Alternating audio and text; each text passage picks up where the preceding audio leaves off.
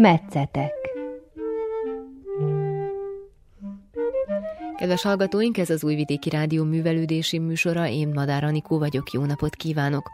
A következő egy órában hallhatnak a Viárt Klub készülő új előadásáról, amely az Egy város monológiai címet viseli, valamint születésének 125. évfordulója alkalmából megemlékezünk Garai Béla színészről, rendezőről, szakíróról is, Kágy Katalin művelődés történész segítségével, az első témánk tehát az egy város monológiai című most készülő előadás, amely olyan kérdésekre keresi a választ, mint mit mesélne egy pad, egy vár, egy busz vagy egy híd, ha beszélni tudna, mit mondana a Duna vagy a Hajdani Szent Háromság szobor, hogy érzi magát mostanában a strand vagy a Péterváradi nagyóra. Az előadás alkotóival beszélgetünk. Az Egy Város monológiai című előadás készül itt az Újvidéki Színházban. Február 19-én láthatjuk majd az eredményt, a város benne pedig Újvidék.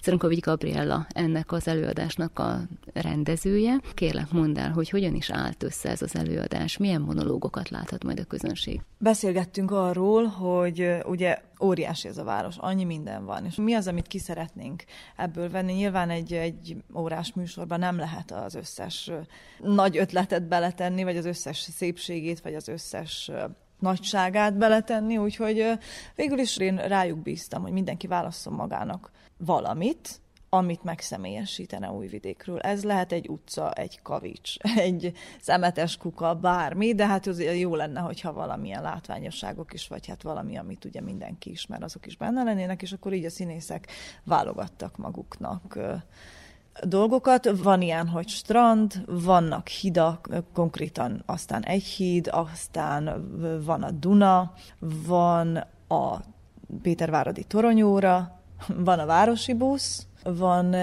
a Grossinger Lili inspirálta, ez főleg mozgás, ő nem beszél, csak a piroskabátos kislány inspirálta jelenet. Hát most lehet, hogy nem fogok tudni mindent felsorolni, nagyjából ezek vannak, és ezen felül, ezen belül még majd megpróbálunk azért egy csomó mindent belevinni, tehát vetítünk is.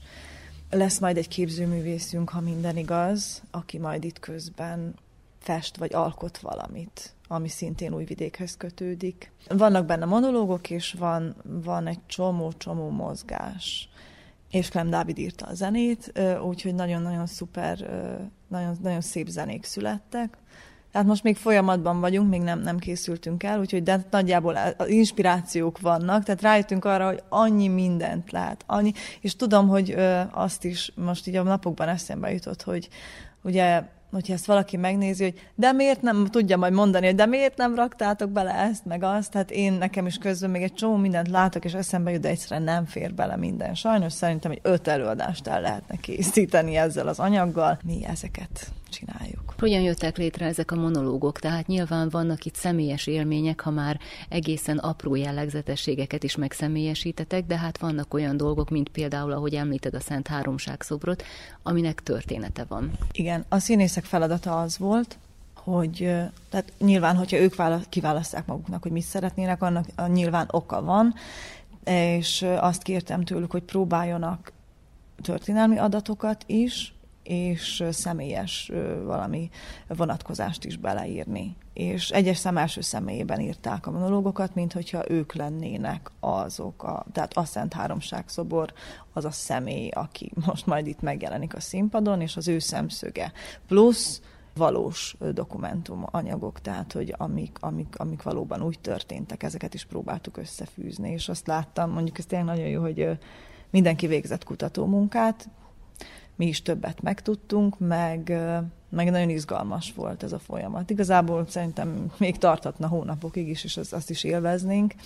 Úgyhogy tényleg ilyen, már tulajdonképpen minden monológ mindenkinek a személyes kötődése is. Vannak olyan dolgok is, mint például a Duna vagy egy városi busz, ami mozgásban van.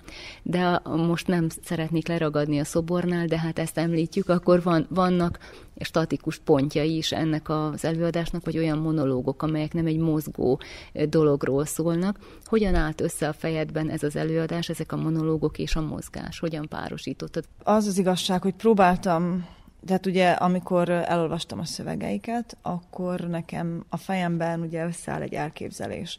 Minden szöveg másmilyen, van, aki verset írt, amiből dal készült, van, aki hosszú monológot írt, van, aki szinte meseszerűt, van, aki pedig komoly, kemény adatokkal bombázott, és az a jó ezekben, hogy mind másmilyen. És én próbáltam ahhoz képest, hogy ugye ismerem a színészt, látom a szövegét, amire inspirál, de mind különböző legyen, hogy minden jelenet, hát majd, hogy nem egészen önálló és különálló, viszont egy egészben, tehát újvidéki vonatkozásban, az, ami összetartja ezt az egészet, az pedig a Dávid zenéje.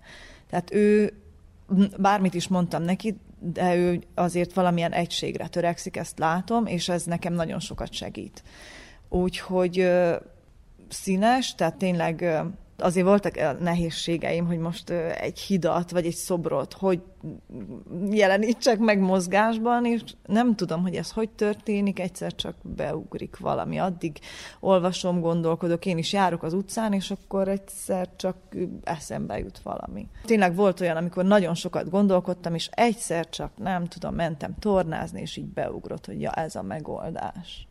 Tehát nyilván ez is a folyamat része. A csapat nagy része az, akikkel a vándorokat, illetve a Maradok Maradni című előadást készítettétek, de itt több szereplő is van. Igen, kibővítettük a csapatunkat. Két fiatal kolléga került még hozzánk, a Tóth Dániel és a László Roli, valamint akik még nem voltak az előző csapatban, az pedig a Pongó Gábor és a Mészáros Árpád.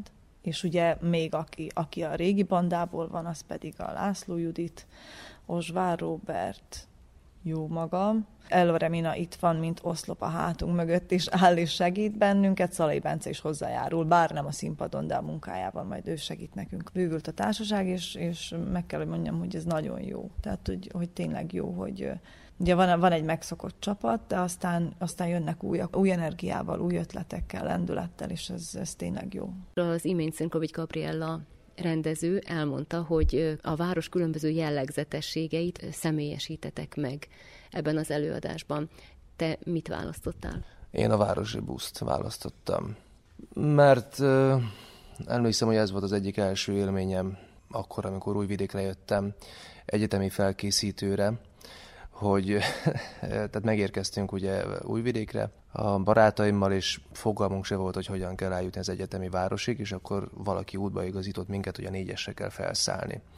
És igazából a négyes volt az, a négyes busz volt az, ami először bemutatta számomra új vidéket, és a továbbiakban is valahogy ez volt számomra érdekes, hogy hogyan, melyik busszal lehet eljutni Péterváradra, a telepre, a strandra, és akkor ugye próbáltok megjegyezni ezeket a számokat, a járatokat és valahogy ebből próbáltam kiindulni, ebből a személyes élményből.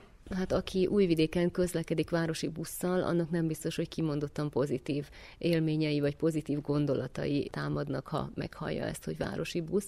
Milyen ez a te monológod, mit mond a városi busz? Tehát, hogy ugye itt nem az utas, hanem a busz szempontjából nézzük ezt. Így van, így van. A busz szempontjából ez egy boldog élmény, szórakoztató, hogy ő dolgozhat. Itt tulajdonképpen azt próbáltam bemutatni, hogy hogyan alakult a városi közlekedés újvidéken. Ugye régebben volt villamos, villamosolódották meg az emberek szállítását, és útközben váltottak át a buszokra. És megpróbáltam egy dátumot belőni, utána néztem, hogy pontosan mikor érkezett meg egy bizonyos típusú autóbusz, amit majd én fogok megszemélyesíteni, és hát onnantól kezdve próbálom azt is bemutatni, hogy hogyan változott a város arculata, az infrastruktúrája, a közlekedési szokása, például az emberek mennyire örültek korábban, és utána mennyire esetleg megutálták ugye a városi közlekedést, tehát vannak fiatalabb és öregebb buszok is, melyikkel jobb utazni, melyiken mekkora a tömeg, buszozás lehetősége is milyen, ugye, tehát hogy egyre több jármű, gépkocsi, személygépkocsi van újvidéken, és ez egyre jobban megnehezíti tulajdonképpen a városi buszoknak a közlekedését is. Nem akartam, hogy túl informatív jellege legyen ennek a monológnak, szövegnek, inkább egy érzést próbáltam közvetíteni. Hát a legalapvetőbb adatokat az internetről szereztem, tulajdonképpen minden megtalálható, ez tulajdonképpen inkább csak az alapot mondom el, ami valóban informatív jellegű, és ahhoz próbálom hozzákötni a városban megfordult személyek érzéseit azzal, hogy ők, tehát az, ő, az ők találkozásait. Például, hogyha volt egy kortárs író, költő, akkor ő hol szállt le, hol szállt föl, milyen élménye volt a buszon, ilyenek. Mit gondolsz, hogy mennyire előny ennek az előadásnak a készítésében, vagy akár a megtekintésében majd az, hogy valaki újvidéki, itt született, itt nőtt föl és ismeri a várost, vagy pedig később jött ide? Hát aki eleve újvidéki, az majd biztos beleköt, hogy ez bizony nem így volt, mert ugye én se született újvidéki vagyok, én később érkeztem ide, de hát ezért próbáltam tőzsgyökeres újvidékiekkel beszélgetni és informálódni, hogy hogy is volt ez valójában. Nekik biztos egy nosztalgikus élmény lesz, akik meg nem itt születtek, vagy nem itt kezdték el az életüket, azoknak meg szerintem szórakoztató lesz, és felvilágosító jellegű akár. Az Egy város monológiai című előadásban Mészáros Árpád a Szent Háromság szobrot személyesíti meg, illetve a Szent Háromság szobor monológiát adja elő. Miért épp ezt a szobrot választottad? Ez egy olyan szobor volt, 1781-ben emelték, és állítólag azért, hogy az akkori, akkor éppen nemrégiben ért véget egy nagy járvány, és mint egy hálát adtak ezzel az égnek, hogy átvészelték a járványt, és hogy az elkövetkezendőkben ilyesmi ne köszöntsön be, akkor ezt mint egy ilyen védő, védőként emelték ezt a szobrot a főtérre. Az a durva, hogy erről a szoborról én például sokáig nem tudtam. Tehát nem nagyon van róla sok forrás, az újvidék történetét feldolgozó könyvekben sem. Néhány fotó állít emléket neki, és ezen kívül szinte semmi. És akkor elkezdtem egy kicsit utána nézni a dolgoknak, és, és hát a története is egy eléggé döbbenetes történet, és ez indított arra, hogy na hát ebben látok lehetőséget, hogyan elevenítenénk meg ezt a színpadon úgy, hogy mozgással. Jó lehetőséget láttam benne, és most épp ezt a jelenetet csináljuk, szeretjük. Most itt egy pici ellentmondás tűnik nekem, hogy szobor és mozgás, hogyan párosítjátok ezt? A szobornak igen, hogy mondjam, aktív története volt. Elmozdították, aztán visszatették, megcsonkították. Mire fölírték észre azt, hogy esetleg megérdemelne egy jobb helyet, hogy mégis megőrizzék az utókornak, akkor már késő volt, és végül földrabolták, és beépítették részeit a, a telepi plébániába. Azt gondolom, hogy ha egy kicsit eldobjuk az agyunkat, ez mozgásilag a színpadon nagyon jó lehetőségeket kínál. Egyébként mondtad, hogy nagyon kevés forrás van a, a Szent Háromság szoborról hol találtál róla adatokat, illetve hogyan állítottad össze a monológodat? Józsa Gáspár atyát kérdeztem meg a dolgokról, ő, ő nyújtott nekem forrásokat erről. Hát nem sok van, fél oldal jött össze, amikor mindent átnéztem, de hát a művészi fantázia az, amire még támaszkodni fogunk majd a jelenet során. Te sem vagy született újvidéki, ahogy az imént Ósvár Roberttel beszélgettem, és ő sem. Ez mennyire jelent hátrányt vagy előnyt, mert tulajdonképpen aki itt született és itt nőtt föl, az nyilván másképp látja újvidéket, mint aki nem. Nem érzek semmi hátrányt. Elég sokat foglalkoztunk most ezzel a témakörrel is, már jó néhány évvel ezelőtt a Neoplanta során is, hogy kihalnak a régi újvidékiek, akik pedig itt élnek most és újvidékinek tartják magukat, azok arra panaszkodnak, hogy jönnek az új jöttmentek, akik nem tartják tiszteletben a városnak a valódi értékeit holott valamennyien jöttmentek vagyunk. Utána néztem a város régmúlt történelmének. Tehát biztos, hogy sok olyan terület van a világon, ami sokszor cselélt gazdát, de hogy egy, egy terület ennyiször, mint amennyiszer Újvidék városa, illetve Újvidék városának a helye, ez a délbácskai csücsök, hát ez azért szerintem ritkaság számba megy. Az Egy város monológiai című előadás készül, Pongó Gábor is az egyik szereplője. Újvidéknek mely részét, mely pontját, vagy milyen élményt választottál monológként?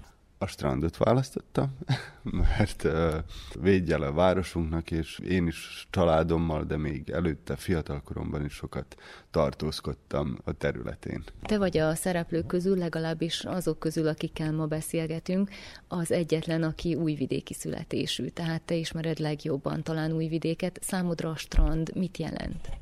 Hát most előre nem fogok elárulni dolgokat, a közönség jöjjön el és nézze meg az előadást. Sok mindent, sok mindent jelent, szabadságot, legfőképp nyugalmat és jókedvet, pozitív dolgot mindenképpen számomra, viszont hát ma jöjjön el a közönség is, hallja meg azokat a dolgokat is, amelyek nem is annyira vidámak, ami amik a strandot illeti. A te monológod az mennyire a személyes élményeidre épül, illetve mennyire végeztél valamilyen háttérmunkát, kutatómunkát esetleg a strand történetével kapcsolatban? Kevés a személyes, és kutatást végeztem, igen, és megpróbáltam tényleg olyan dolgokat eh, megemlíteni, amik, amik tényleg megváltoztatták a, úgymond a strandnak a, a gyökerestől az életét, mivel egyes szám első személyben beszélünk a monológokban, úgyhogy megpróbáltam információt is közölni a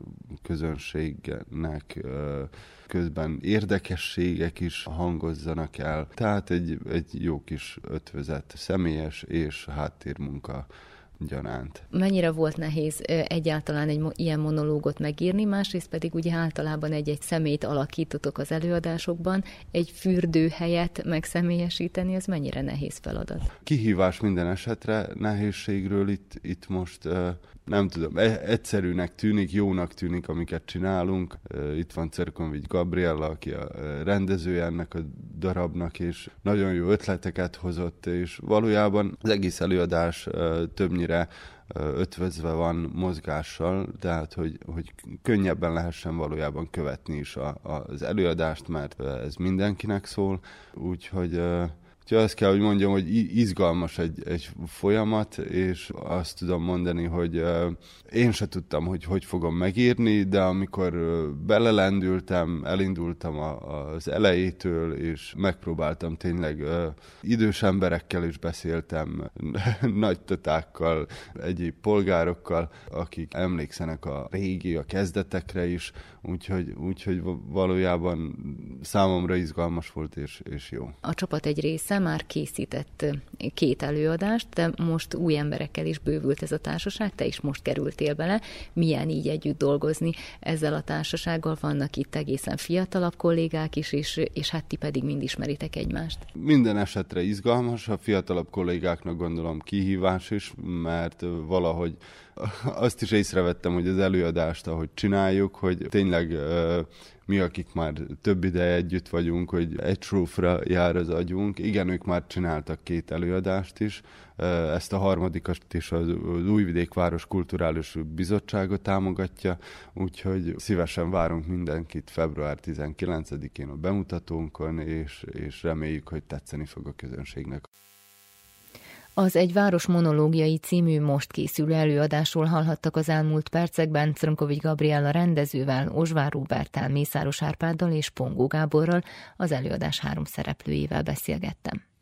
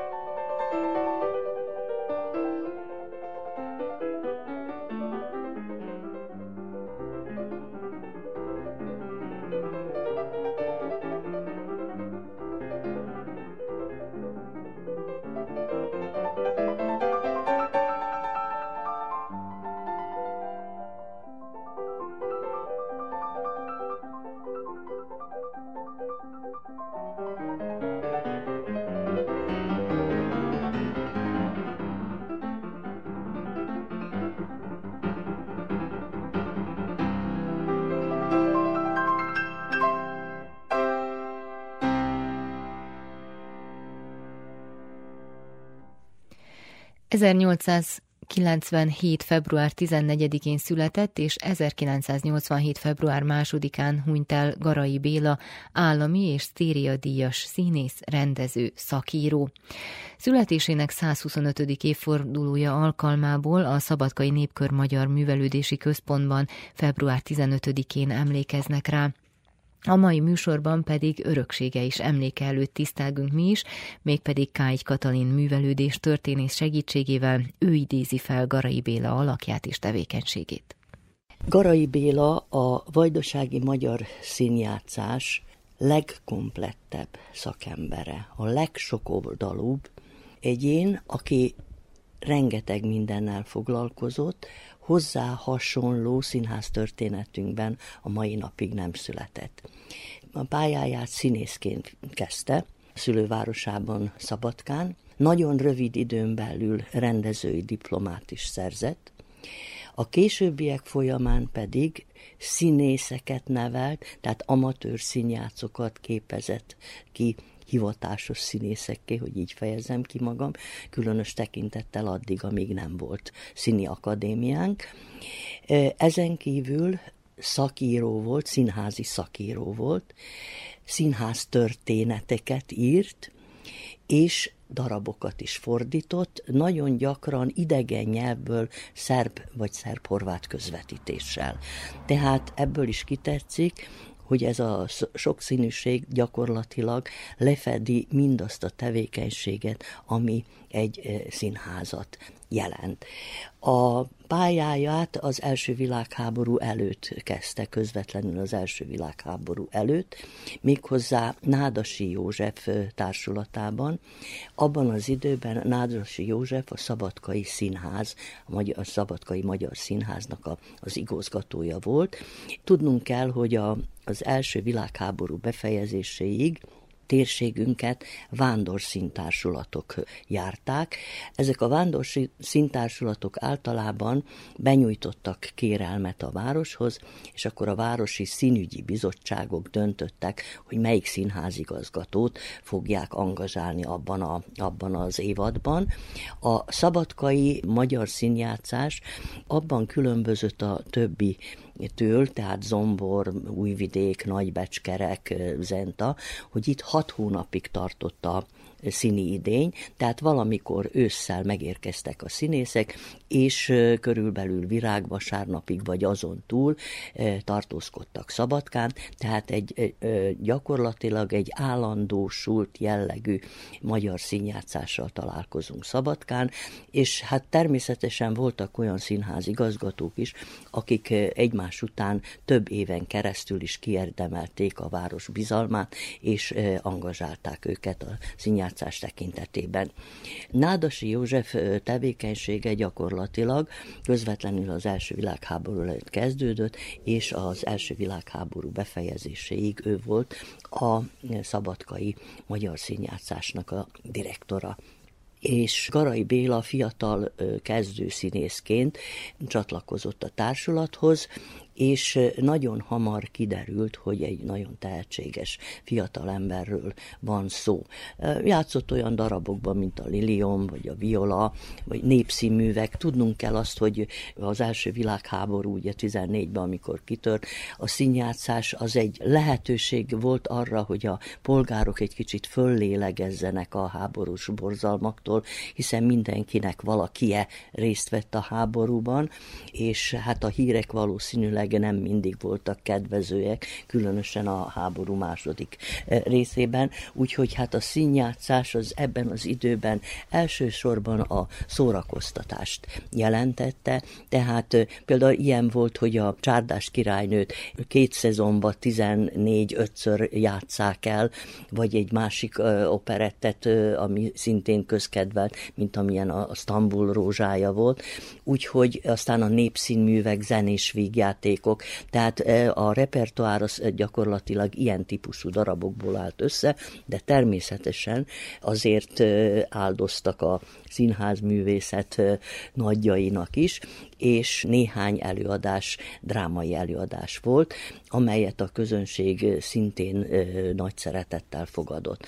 Na most, mint említettem, volt Garai Béla is hát kezdő színészként ugye kisebb szerepekben mutatkozott be, de 1915-ben kigyulladt a Szabadkai Színház, és Nádasi társulata vándorútra kényszerült, és a többi között Újvidékre is ellátogatott a társulat 1917-ben, meg 1918-ban, és Újvidékről van egy érdekes történetünk arra vonatkozóan, hogy a fiatal Garai Bélában hogyan működött már akkor a tehetség. Méghozzá két előadást játszott, ami nem operett és nem mm, vígjáték és nem zenés darab volt, hanem komoly drámai szöveg. Az egyik abban az időben Hevesi Sándor Jókai Mórnak Kárpáti Zoltán című regényét alkalmazta színpadra, és ezt a művet Nádassék ugye műsorra tűzték, és ebben a címszerepet Garai Béla játszotta. A korszakban volt egy lengyel írónő, drámaíró, Gabriella Zapolszkának hívták, és a Varsói Citadella című drámáját azt Európa szerte játszották. Nádasi társulata is természetesen műsorra tűzte, és az egyik szerepet, Gorskit, azt szintén Garai Béla játszotta. Na most abban a szerencsés helyzetben vagyunk ebből a korból, hogy Újvidéken a színjátszóknak a tevékenységét a Poront című színházi szaklap őrizte meg számunkra, és egy kritikai leírás van Garai Bélával kapcsolatban. Ebből olvasnék föl részletet, annál is inkább, mert ez már előlegezi azt, hogy gyakorlatilag itt valóban egy komoly, tehetséges pályakezdő színészről van szó. A Kárpáti Zoltánnal kapcsolatban a következőket olvashatjuk. A dúló vihar, szenvedés, bánat, keserűség, gyűlölet, megnyugvás, öröm tolmácsolásában igazán kiforrott művész tehetsége szükséges. Ilyennek bizonyult Garai Béla, a szintársulat fiatal, ifjú színésze. Szépen csengő szavai, tiszta kiejtése, fiatal üde és mégis férfias megjelenése tették élő alakká Kárpáti Zoltánnál, és biztosították a sikert, tapsot a számára. Na most rendkívüli alakításnak tekintették a Gorski szerepének a tolmácsolását is, és itt csak azt mondanám el, hogy ez 1917-18-ban volt, tehát négy-öt éve volt a pályán, és már is meg tudta állni a helyét olyan szerepekben, amelyek nem is voltak gyakoriak a műsoron annak a vándortársulatnak, mint ahogy a többinek sem. Mondjuk a Nemzeti Színházat kivéve ezek a többi színházak, ezek inkább a, a szórakoztatáson volt a hangsúly, esetleg még a Víg Színház volt az, amelyik egy másfajta színjátszást honosított meg Magyarországon, de ez is azt bizonyítja, hogy már fiatal korában Garai Bélán meglátszott az, hogy ő egy rendkívüli tehetségű fiatal színész, és sokat lehet tőle várni. Ezt azért említettem meg, mert erről a korai korszakáról Garai Bélának kevesebbet tudunk, ismertebb nem csak a szakemberek, hanem a közönség szempontjából is a népköri tevékenysége, illetve 1945-ben, amikor meg a második világháború befejezésével megalakult az első magyar hivatásos színház a térségünkben, a Vajdasági Magyar Népszínház, akkor Garai Béla már ennek a színháznak a főrendezője lett, tehát egy olyan munkatapasztalat volt mögötte, amely predestinálta arra, hogy az, az újonnan megalakított színháznak a főrendezője legyen. Na most eh, említettem volt azt, hogy eh, színészneveléssel foglalkozott, mindenek előtt a két világháború között amikor visszatért Magyarországról, Pécsi Színháznak a tagja volt, ha jól emlékszem, 1922-ig, és akkor hívták haza Szabadkára, az akkori vezetősége a népkörnek, és hát Garai Béla hazajött. Persze ebben az időben, tehát 1922-23 táján még élt a vajdaságiakban az a remény, hogy hát egy hivatásos magyar színházat majd sikerül az SHS királyságban ugye útnak indítani, de sajnos ez nem történt meg. Az utolsó kísérlet, ha jól emlékszem, 1927-ben volt, amikor is hát végérvényesen tudatosodott az itt élőkben az, hogy hivatásos színházuk bizony nem lesz, pedig megpróbálták nem csak Szabadkán, hanem Zomborban, meg Nagybecskereken is létrehozni hozni. De a, az SZHZ királyság adminisztrációja ugye ezt nem tette lehetővé. Na most itt lép a körbe Garai Béla és a népkör, hiszen köztudott, hogy a két világháború között a hivatásos magyar színházat elsősorban a szabadkai népkör képviselte, tekintettel arra, hogy nem csak Garai Béla, jött haza a régi színészek közül, hanem több színésznő is, meg Szabó Márton nevezetű színész is, akik a népkörben tevékenykedve, hát igen magasra emelték a mércét a produkció kivitelezése szempontjából, de ehhez az is kellett, hogy a, az újonnan érkező amatőr színjátszókat valamiféle oktatásban részesítsék, és ezt elsősorban Garai Béla volt az, a, különösen a rendezői pozíció tette ezt ugye lehetővé, hogy a színész nevelés kérdéskörét is érintse a munkássága. Még elmondanám azt is, hogy Nagybecskereken is, meg Zomborban is nagyon erős volt az amatőr színjátszás. Nagybecskereken Juhász Ferenc és Nyárai Rezső voltak azok, akik odaálltak úgymond a színjátszás háta mögé, és, és igyekeztek azt minél magasabb szintre emelni. Zomborban pedig az a doktor Kislajos, aki zene kutatóként, népzene kutatóként ismerünk, aki karmester volt, és aki 1945 után Kodály Zoltán jobb keze volt a Népzene Tára című sorozatnak a beindításakor. A zombori műkedvelők azok elsősorban az operettet művelték, és érdekességként jegyezném meg azt, azt, hogy a kis Lajos karmester munkáját a rendezésben egy Lebovics Pál nevezetű úriember végezte, aki nem volt más, mint György Lebovicsnak, a Sztéria Díjas szerb zsidó írónak az édesapja. Tehát ők voltak azok, akik csodálatos operett színelőadásokat rendeztek, és ez kitetszik a korabeli kritikából is, és ezek az előadásokat a Városi Színházban rendezték meg, és legalább 10-12-szer is előadták tehát a, a népszerű minőségük is, ugye igencsak beszédes ez a szám, hogy 10-12-szer is előadtak egy-egy előadást. Visszatérve a népkörre, tehát a népkörben tudjuk azt, és ez már köztudott dolog, hogy gyakorlatilag a két világháború közötti vajdasági magyar színjátszásnak a hordozója, az én vonal az népkörben e, zajlott, és azt is e, tudjuk, hogy gyakorlatilag a, a népköri színjátszás volt hivatva helyettesíteni a hivatásos magyar színjátszást e, itt a vajdaságban. Nagyon nagy munkát végzett gyakorlatilag a két világháború között népkor Gajrai Béla és a társai, ugyanis fölkészültek arra, amit lehet, hogy nem is gondoltak, hogy meg fog történni, hiszen 1945 második felében megalakult a, a második világháború befejezésével, megalakult a Vajdasági Magyar Népszínház.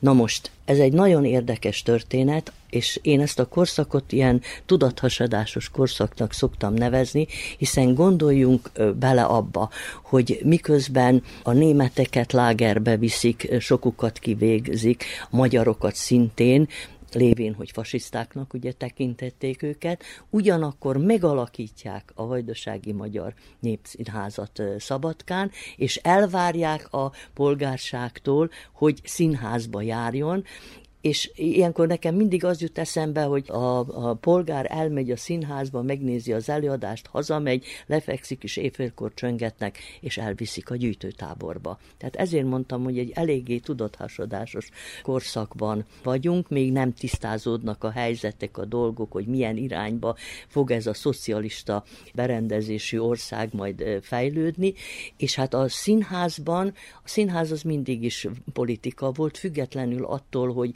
ez milyen formán jelentkezik.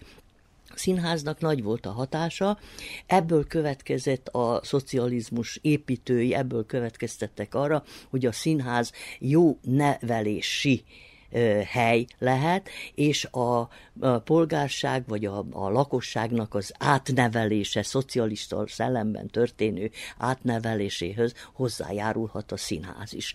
Említettem volt, Garai Béla főrendezőként kerül az új, az új színházba, és nagyon érdekes az első két-három év, ugyanis hát általában ilyen szocializmust építő orosz darabokat tűznek műsorra.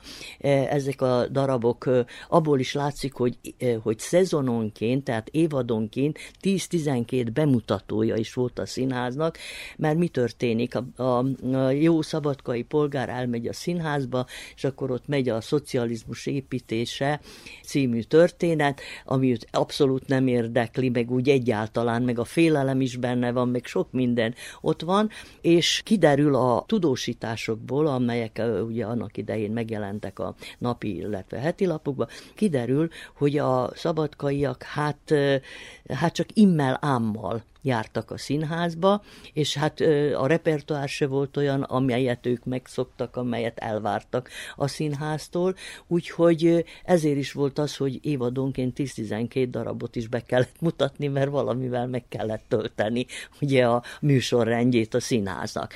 Na most egy váltás történik 1946 és 47-es színi évadban, amikor is a Ludas Matyit rendezi meg Garai Béla. A Móri Zsigmond áldolgozta szövegről van szó, megtörténik a csoda, ugyanis óriási sikere van a Ludas Matyinak.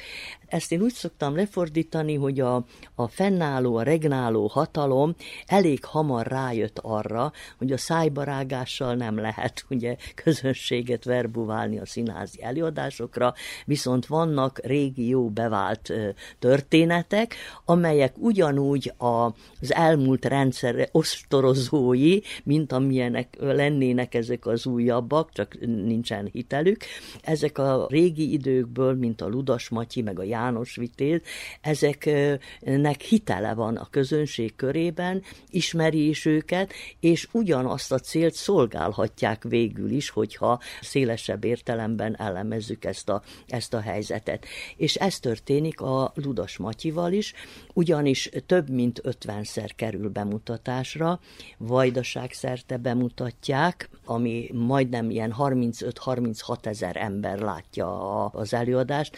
Ezek a boldog békeidők idézelben mondom, amikor a Szabadkai Népszínház még Vajdaság legkisebb településére is elvitte az előadásait, és a, az ott élőket is megörvendeztette a színjátszásnak a csodáival. Nem véletlenül eh, ment ilyen sokszor az előadás, viszonyítva négy-öt előadáshoz egy-egy produkción belül, ami a, az előző időszakban ugye rendszeresen sajnos jelen volt, hanem a kritikából kiderül, hogy ez egy fantasztikusan gördülékeny előadás volt, hogy érthetően beszéltek a színészek, hogy szépen énekeltek a színpadon, hogy a főbb szerepek és a kisebb szerepek egyformán minőségi kivitelezésben úgymond jelentek meg a színpadon, tehát a szakértelem úgymond úgymond, és a darabválasztás szerencsés találkozása volt ugye ez az előadás, amelyben Garai Béla végre megmutathatta, hogy egy több évtizedes munka eredményeként milyen kvalitásai lehetnek egy színházi produkciónak, és milyennek kell lenni egy rendezői munkának. Ugyancsak ebben az időben volt azt hiszem rá egy évre a János Vitéznek például a bemutatója, és ez azért maradt meg nagyon-nagyon az emlékezetemben, mert amikor a Szabadkai Népszínház történetét írtam meg 1945 és 85 között, akkor ez az előadással kapcsolatban olvastam a következőket, hogy annyira népszerű volt, és ez megint nem sokkal, tehát egy évvel később, mint a Ludas Matyi, tehát abban az időben, amikor három, négy, ötször ment egy elő, ha tízszer ment, akkor az már nagyon jó volt, és a János Vitéz olyan népszerű volt, hogy egy tanyasi néni bejött, hogy ő szeretne estére színházba menni. És hát mondta a jegyelárusító, hogy sajnos nincs estére már jegy, de én hozok egy zsák kukoricát, csak adjon nekem egy színházjegyet. Tehát ez, ez egy olyan csodálatos, szép történet, ami tényleg megmaradt, és boldog lehet az az előadás és az a színház, amelynek ilyen előadása van, hogy a, a közönség, akiért az előadás ugye készül, így viszonyul hozzá a produkcióhoz. Garai gyakorlatilag ebben a periódusban is, tehát 45-től a nyugdíjba vonulásáig színészneveléssel is foglalkozott. A Magyar Társulat gyakorlatilag 1954-ben megszűnt létezni úgymond a Vajdasági Magyar Népszínház, megszületett a Népszínház két társulattal, a Magyar Társulattal, illetve a horvát vagy szerb-horvát későbbiek során szerb-horvát társulattal, és a a magyar társulatban továbbra is ugye meghatározó szerepet játszott Garai Béla, olyannyira, hogy a magyar társulat stúdiót működtetett a színházon belül, és a fiatal amatőr színészként jelentkező színészeknek a, a képzését, a tanítását végezte ez a stúdió, amelyben központi helyet kapott ugye Garai Béla. És mint szakíró, és hogy kézikönyve legyen a, a diákoknak, ugye, akiket tanított, megjelentette a Színjátszás kézikönyve című munkát, akkor a Színjátszás művészete című munkát, és a Színpadi beszéd című munkát. Ez utóbbi nekem nagyon tetszik, és nagyon ajánlanám ebben a mi 2022-es világunkban, hogy azok, akik nyilvánosan szerepelnek tévében, rádióban és így tovább, ezt a színházi, színpadi beszéd című könyvet kicsit tanulmányozzák, mert az utóbbi időben hát azt vettük észre, hogy bizony nagyon sok a baki a bemondók esetében. Na most a másik dolog, vagyis a harmadik vagy negyedik dolog, amivel Garai Béla foglalkozott, az a színház történetünk írása és ebből a szempontból is nagyon érdekes műveket jelentetett meg. Először is az Ekhos szekértől a Forgó színpadik című munkát, aztán a Szabadkai Magyar Színjátszás történetét, aztán a Kulisszák világában című színész arcképeket felsorakoztató írását, és a Festett Világ című munkáját, de én a legértékesebbnek tartom a gyakorlatilag azt a munkát, amelyet 2012-ben adott ki az életjel, és pedig a, a Magyar Műkedvelők a, az őrhelyen című munkát, ami a népkör, a két világháború közötti népkör tevékenységét mutatja be monografikus formában, tényanyag alapján, de mégis ott van a személy, hiszen ő is ugye részese volt ennek a folyamatnak, a személyes élmények és a tényanyag viszonylatában, és ez egy nagyon-nagyon értékes e, munka. Ha jól emlékszem, annak idején a Hungarológiai Intézet megrendelésére készült, hogy aztán miért nem jelent meg, nem tudom. Minden esetre nagyon jó, hogy az Életjel 2012-ben megjelentette ezt a művet, ami egy alapmű gyakorlatilag egy alapmű, különös tekintettel arra, hogyha tudjuk azt, hogy a két világháború között a népkörben a, a színjátszás, a hivatásos magyar színjátszásnak a helyét töltötte be.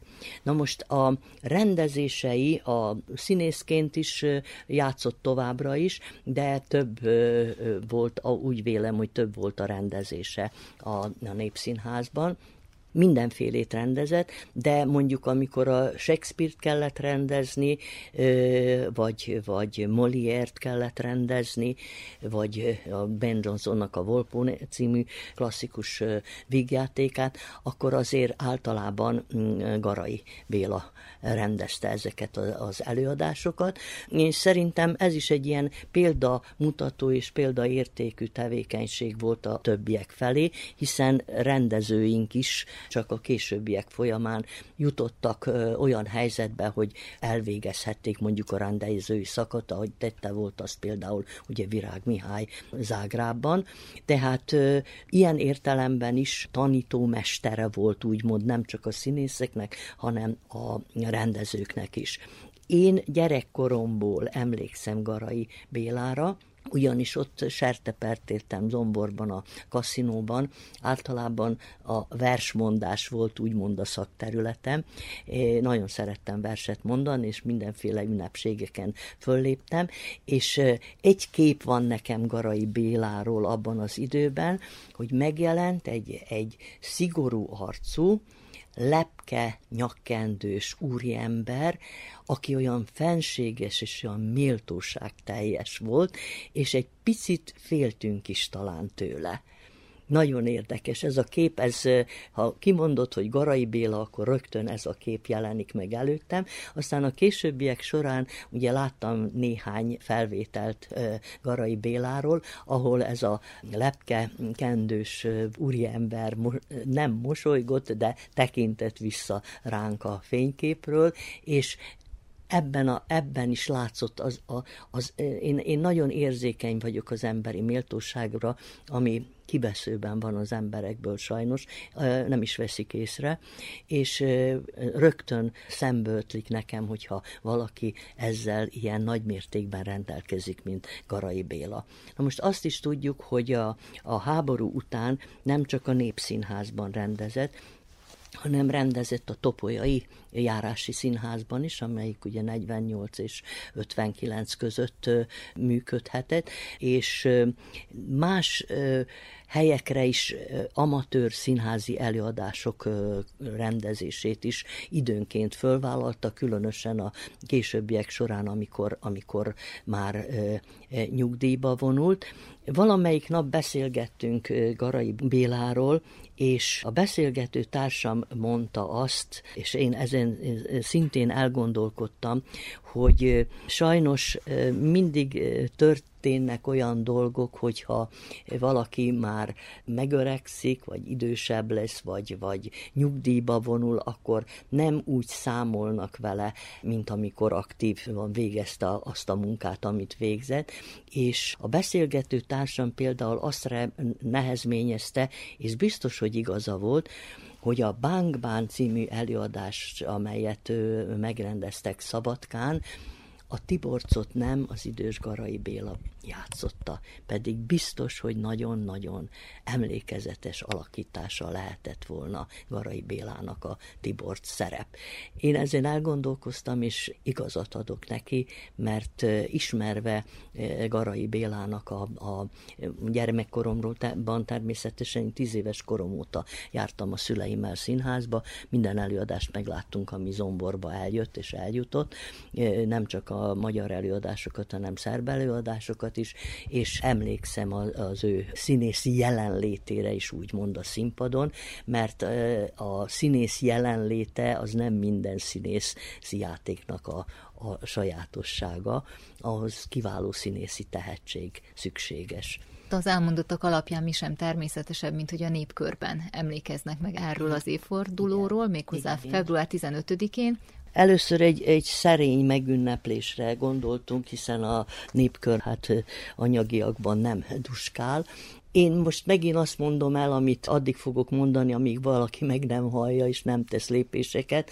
hogyha volna egy eh, tudományos intézményünk, amelyben foglalkoznánk a, a vajdaság és az egyetemes magyar irodalommal, a nyelvészettel, az összehasonlító irodalomtudományjal, az összehasonlító nyelvészettel és eh, művelődés történet és néprajz, tehát egy tárgyszerű kutatás folyna arra vonatkozóan, hogy mi volt a múltba és mi van most, most, és akkor esetleg volna valami képünk arra vonatkozóan is, hogy hogyan tovább. Tehát, hogyha egy ilyen intézményünk lenne, akkor ez a 125 év. Ez egy olyan dátum, ami Hát nagyon kevés dolog érte meg itt a, Vajdaság térségében, a magyarok művelődés történetében a 125 évet. És én mondjuk, hogyha egy ilyen intézmény létezne, akkor sugaltam volna, hogy rendezünk egy színház történeti konferenciát az egyetemes magyar színjátszás kontextusában is, ha már annyira hangsúlyozzuk és, és verjük a mellünket az összetartozás viszonylatában. Mert az összetartozás az nem attól összetartozás, hogy én mondom, hogy összetartozunk, hanem annak tartalmat adunk. Na most a Garai Béla tevékenysége, vagy a tanítóképző tevékenysége, vagy a, a népkörnek a tevékenysége, vagy más ö, hosszú életű kultúrintézményeinknek a tevékenysége, az pontosan azt bizonyítja, hogy mi igenis részei vagyunk az egyetemes magyar művelődésnek, irodalomnak, művészetnek, lett legyen bármiről is szó. Na most, hát mindez nem történhet meg, de az megengedhet lehetetlen volna, hogy nem megemlékezni a 125 éve ezelőtt született Garai Béláról. És pont itt Szabadkán, és pont a népkörben, amelynek oszlopos tagja volt, amelynek irányítója volt, amely ma is emlékezik rá, hiszen van egy terem a népkörben, amelyet Garai teremnek nevezünk.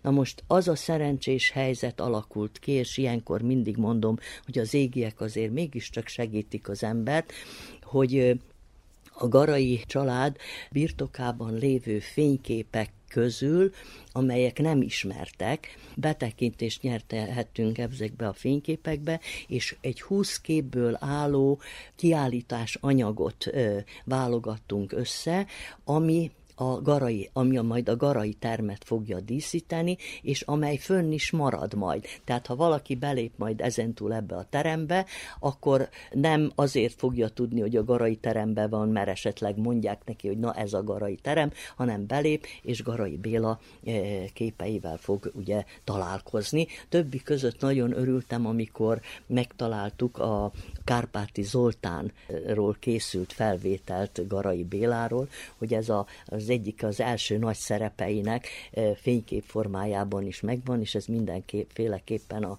a teremben fogjuk kiállítani.